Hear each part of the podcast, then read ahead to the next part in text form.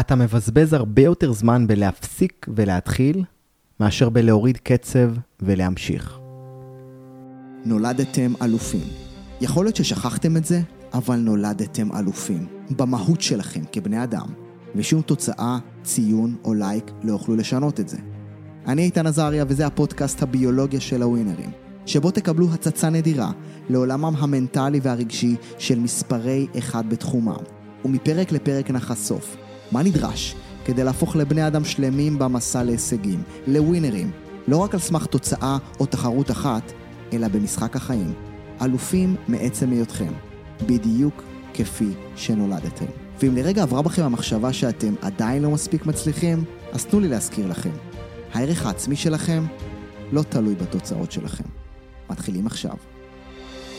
כאלופים זה איתן עזריה וברוכים הבאים לביולוגיה של הווינרים והיום העצה הכי טובה שלי לאנשים שרוצים תוצאות מהירות. כן, אני פוגש אותם כל הזמן, בין אם זה בארגונים, בחברות, במועדוני ספורט, בין אם זה ברחוב, כל כך הרבה אנשים רצים כל הזמן לאן? לתוצאות. והם רוצים אותם מהר, וזה בסדר שהם רוצים אותם מהר.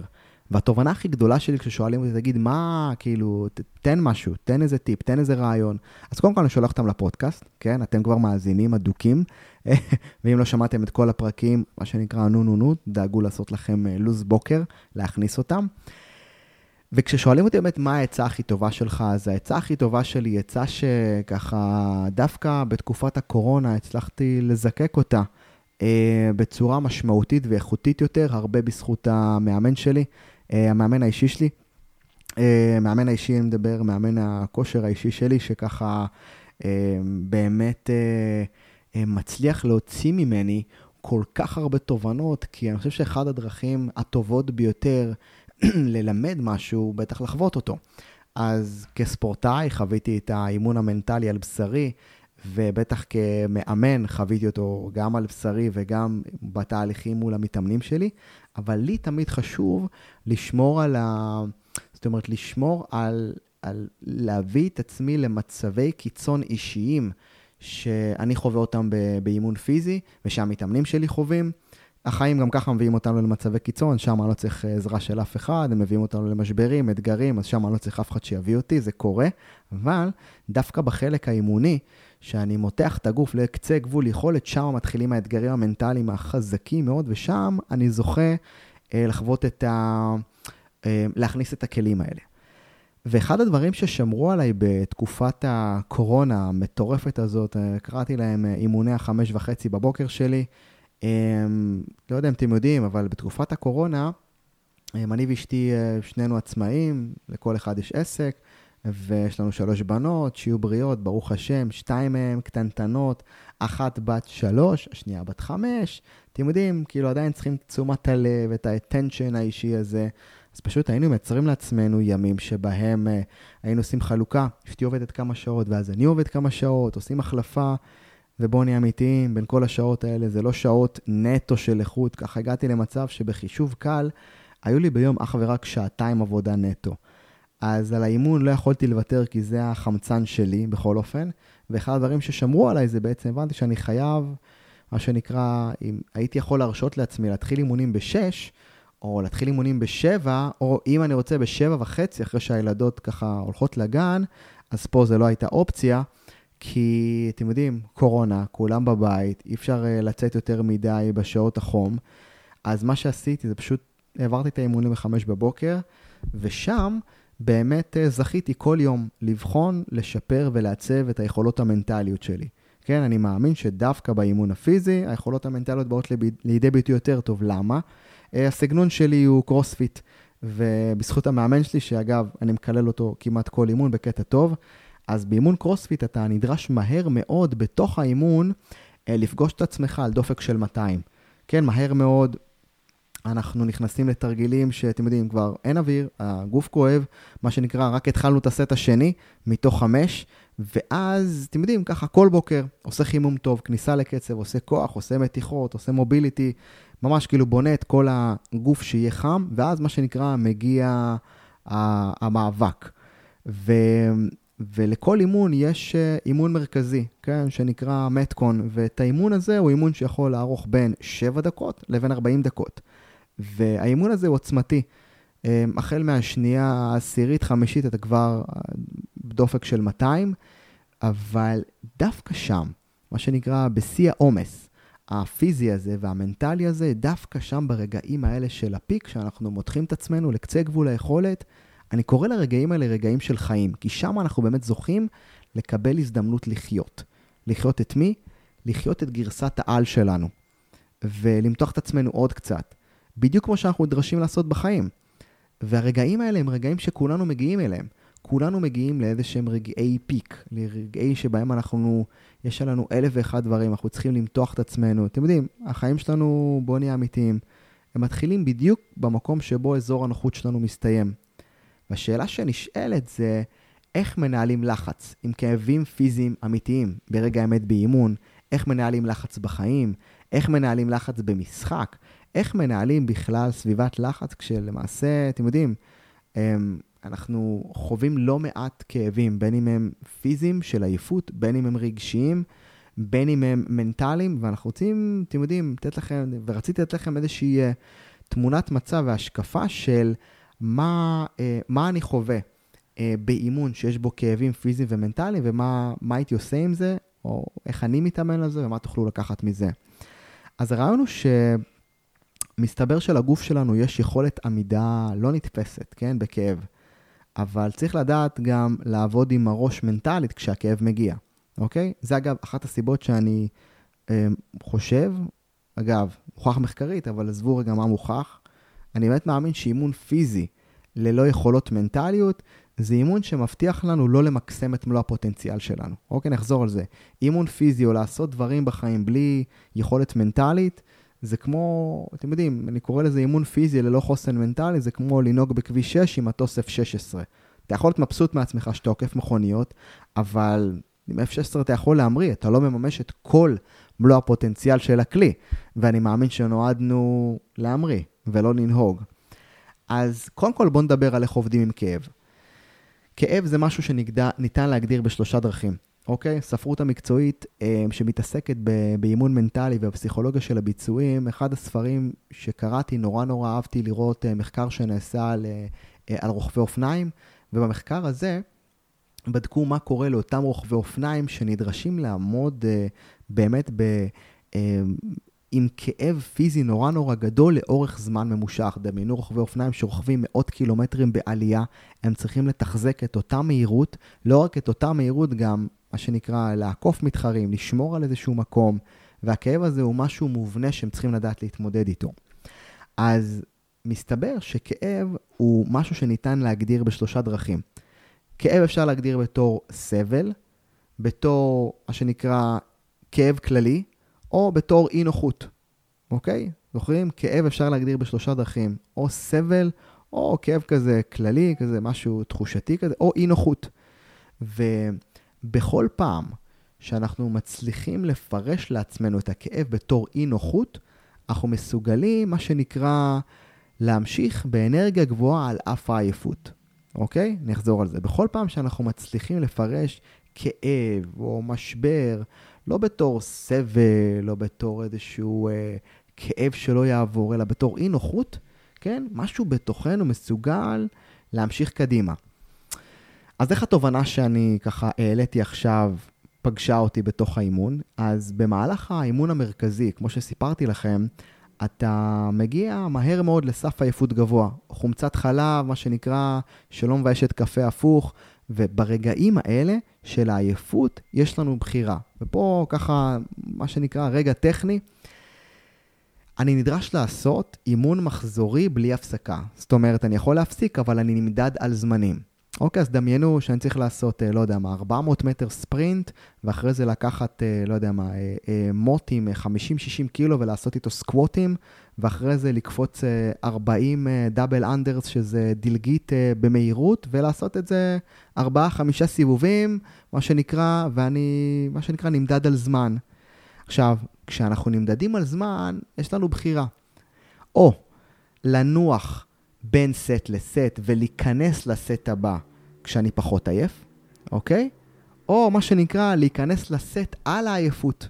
ובכנות, זה הדבר האחרון שבא לנו לעשות, זה להתחיל משהו כשאנחנו עייפים, או להיכנס לסט כשאני עייף. אוקיי, אתם איתי? יש לנו סטים שאני צריך לעשות אותם. ומה שליאור המאמן שלי ככה לימד אותי בדרך מאוד מאוד אה, מעניינת, וככה הוא עשה את זה בדרכו שלו, הוא לימד אותי להיכנס לסט על העייפות, אוקיי? וזה ממש ככה um, הזכיר לי את הימים שלי ככדורגלן, שכשאתה במשחק, אז יש סיטואציה שאתה אחרי חמש ספרינטים מטורפים, ומשום מקום פתאום אין לך ברירה, ופתאום היריב תוקף אותך ואין לך ממש, אין לך ממש כאילו, אתה לא יכול להגיד, טוב, אני עייף, אני לא יכול לרוץ, אתה פשוט רץ, כי אין לך ברירה. ומה שמדהים הוא שתמיד יש לנו רזרבות, אוקיי? שמתי לב שככל שאני מוותר לעצמי פחות ונכנס יותר מהר בין סט לסט למרות העייפות, אז על אף שהקצב שלי נמוך מהרגיל, אני תמיד מסיים את האימון בתוצאה מהירה יותר מאשר אם הייתי מחכה לקבל אוויר כדי להיכנס לסט הבא. נחזור על זה, החלק הכי חשוב בפרק הזה. שמתי לב שככל שאני לא נח יותר מדי בין סט לסט, אלא נכנס וממשיך לעשות את התרגיל באימון המרכזי, לדוגמה, אני עובר מריצת 400 מטר ספרינט לסקווט עם 60 אה, קילו עלמות, אה, ואני עושה אותו למרות האיבה. עכשיו, הסקווט הזה הוא יותר איטי, ומשם אני אמשיך לדלגית שהיא יותר איטית. על אף הקצב הנמוך, אני תמיד מסיים את האימון בתוצאה מהירה יותר מאשר אם הייתי מחכה להיות רענן יותר כדי להחזיר אוויר, כדי להיכנס לסט הבא ולחשוב שאני אעשה אותו טוב יותר. והתובנה הזאת אומנם לקוחה מהאימונים, אבל זה לכל דבר בחיים. והתובנה הזאת באה ואומרת, כי בקרוספיט, כמו בחיים, כמו במסע שלנו להישגים בכל דבר, אנחנו מבזבזים הרבה יותר זמן בלהפסיק ולהתחיל, מאשר בלהוריד קצב ולהמשיך להתקדם. אני אחזור על זה. אנחנו מבזבזים הרבה יותר זמן בלהפסיק ולהתחיל, מאשר בלהוריד קצב ולהמשיך להתקדם. אנחנו כאילו בחיים, לפעמים uh, חושבים שצריך להיות כאילו זה 0 או 100.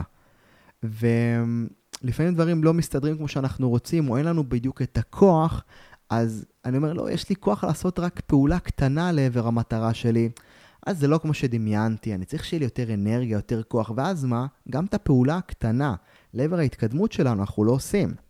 לעומת זאת, אם אנחנו, למרות העייפות, למרות שיש לנו עשר דקות ביום לעבר ההגשמה שלנו, למרות שיש לי, לא יודע מה, יום אחד בשבוע להשקיע בעצמי לעבר החלומות שלי, ואני עושה את היום בשבוע הזה, אז פתאום אני מייצר לעצמי 52 ימים בשנה שאפשרתי לעצמי להתקדם, אבל אם אני ב-mindset של לא, לא, לא, אני צריך שיהיה לי את הזמן, את האנרגיה, את הכוח, אני צריך שהחיים יתפנו לי קצת, כדי שאז אני אוכל להכניס לתוכם את הדברים שחשובים לי בחיים, חבר'ה, זה לא יקרה.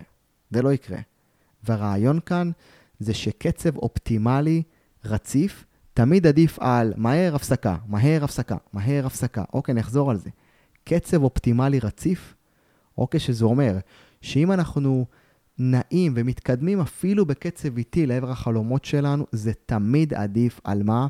על לחכות שלושה חודשים, להפסיק, לחכות שהדבר הזה יסתיים, עד שהקורס ההוא יסתיים לי, ועד שהלימודים יסתיימו, ועד שהעבודה תצליח לתת לי את התנאים. לא, לא.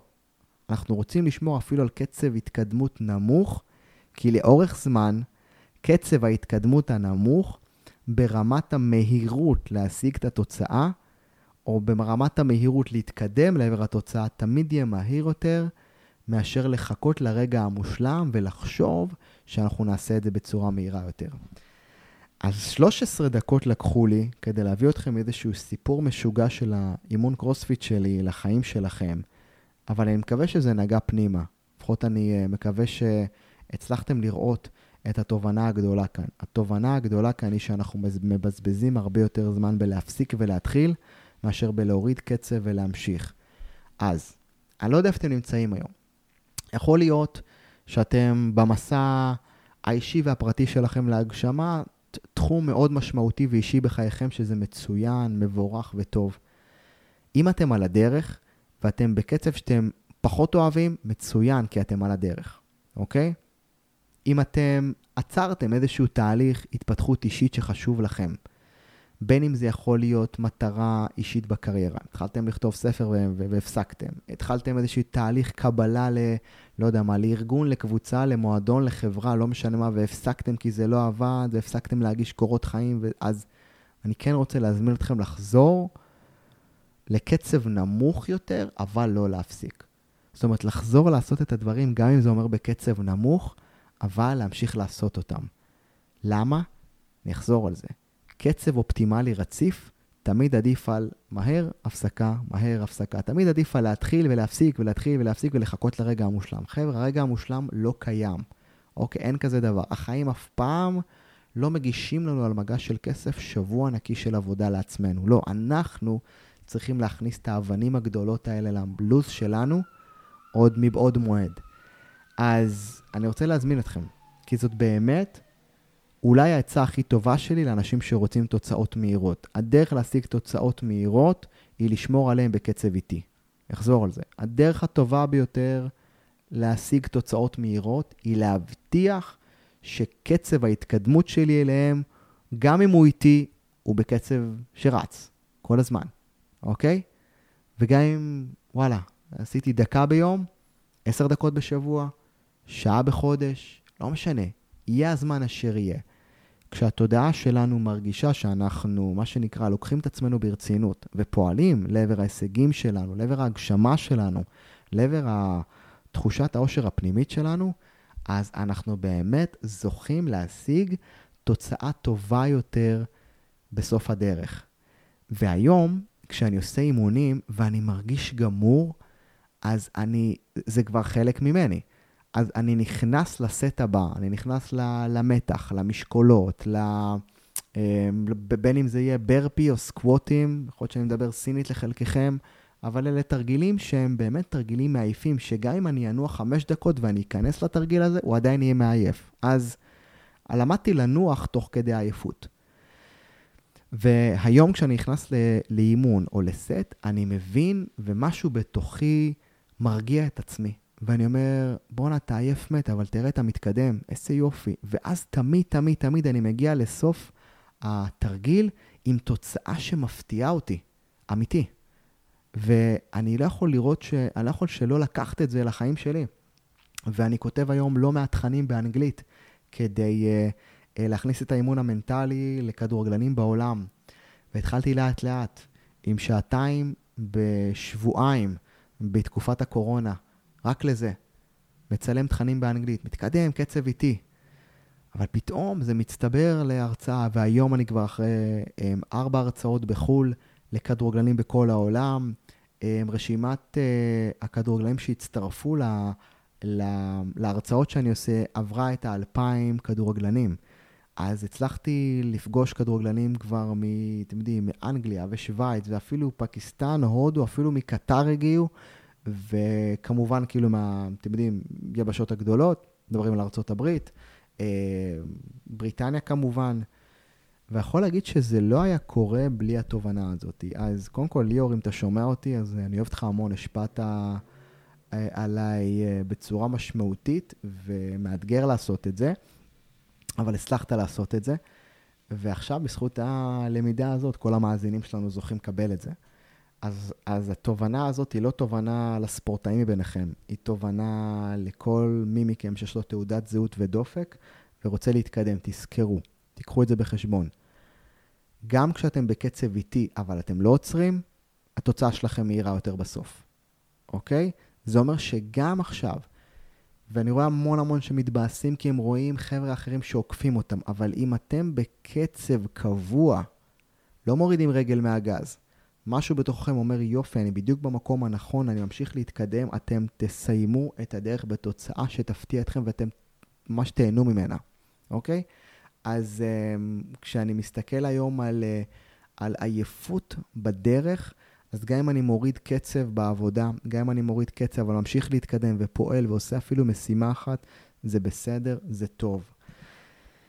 אז אני מסיים את הפרק. ב... איך אומרים? בתובנה הזאת, תכתבו לכם אותה, כן? אנחנו מבזבזים הרבה יותר זמן בלהפסיק ולהתחיל מאשר בלהוריד קצב ולהמשיך, ואולי הניסוח החיובי שלה זה, אני מעדיף קצב אופטימלי רצוף. תמיד על להפסיק ולהתחיל, להפסיק ולהתחיל, כי זה תמיד, תמיד, תמיד אה, התעתוע של המוח, שהוא חושב שאנחנו צריכים להיות ברגע המושלם כדי להשיג את התוצאה המושלמת. בולשיט, זה לא נכון. אנחנו צריכים קצב אופטימלי רציף אפילו איטי, ואנחנו מגיעים לסוף הדרך עם תוצאה שאפילו מפתיעה אותנו. זהו אלופים, אז uh, עד כאן uh, לפרק שלנו uh, בביולוגיה של הווינרים.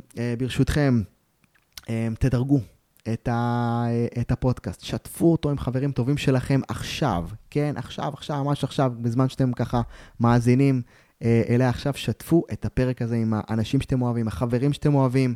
Uh, באמת, תנו להם את המתנה הזאת, לא רק לכם, אל תהיו סנובים, אני בטוח שהם יודו לכם, ותייגו אותי באינסטגרם. באמת, תפיצו את הבשורה. הביולוגיה של הווינרים נכתבה, עוצבה ומוקלטת עבורכם. וה... ה... ה... לא, יודע, ה... לא יודע איך להגיד לכם את זה, ה... התחושה המדהימה שאני מקבל וחווה חזרה, ואיך שהיא משפיעה משמעותית על החיים שלי, היא לא נורמלית. למה? כי אני באמת מאמין בנתינה הזאת. אז עכשיו תורכם, תנו את הנתינה הזאת למישהו אחר, אוקיי? קחו את הפוסט הזה, קחו את, אה, קחו את הפרק הזה, תריצו אותו על איזשהו פוסט שלכם, שלחו אותו בוואטסאפ לשניים, שלושה חברים שחשובים לכם, או למישהו אחד שאתם יודעים שהידע הזה פשוט ישנה אותו ויהיה לו משמעותי. ו... ואם כמובן אתם רוצים להמשיך ולקבל את. את התכנים ישירות אליכם, אז אתם יכולים להיכנס לאינסטגרם שלי, כן, איתן עזריה, להיכנס לשם, או בטח לאתר האישי שלי, איתנעזריה.co.il, ופשוט uh, להיכנס לשם ולעקוב, הפרקים עולים תמיד לשם. אז uh, שיהיה לנו באמת uh, um, שבוע מעולה וטוב עם בשורות טובות, ואנחנו נתראה בפרק הבא. צ'או. חכו שנייה לפני שאתם הולכים. את מדריכי האימון המנטלי החינמים שלי כבר הורדתם? אם עדיין לא עשיתם את זה, אני כבר מספר לכם איך ואיפה. אבל לפני הכל, תודה שהאזנתם לעוד פרק בפודקאסט הביולוגיה של הווינרים. אם אהבתם את הפרק, דרגו אותו באייטונס, שתפו את הפרק עם החברים שלכם, שההצלחה שלהם חשובה לכם, ובכך תפעילו את גלגל הנתינה, שבו מי שנותן יותר לאחר, מקבל יותר מהעולם. אז עכשיו תורי לתת לכם. באתר שלי מחכה לכם עמוד שלם עם מדריכי אימון מנטלי חינמי מעולים בשבילכם, ביניהם הישג בלתי רגיל, מיני קורס בין ארבעה שיעורי וידאו ואודיו להישגים יומיים בלתי רגילים באמצעות פיתוח הערכה עצמית מנצחת. פרקים מתנה מהספרים שלי, הדרכות לשיפור ביצועים לספורטאים, הורים ומאמנים, וכל זה במתנה ממני אליכם. אז כנסו לאתר שלי בכתובת איתנעזריה.co.il, קו אלכסוני פרי, זה הולך ככה, e-i-t-a-n-a-z-a-r-i-a.co.il, קו אלכסוני פרי, F-R-E-E, ושם תורידו את מדריכי האימון שלכם, ואני כבר שם, מחכה לכם עם כל מה שאתם צריכים לדעת כדי להגיע להישגים, ובו זמנית לפתח זהות מנצחת של אלופים. אז היכנסו לאתר שלי בכתובת איתנעזריה.co.il, קו אלכסוני פרי, ואני כבר מחכה לכם שם. עד אז, נתראה בפרק הבא. צ'או.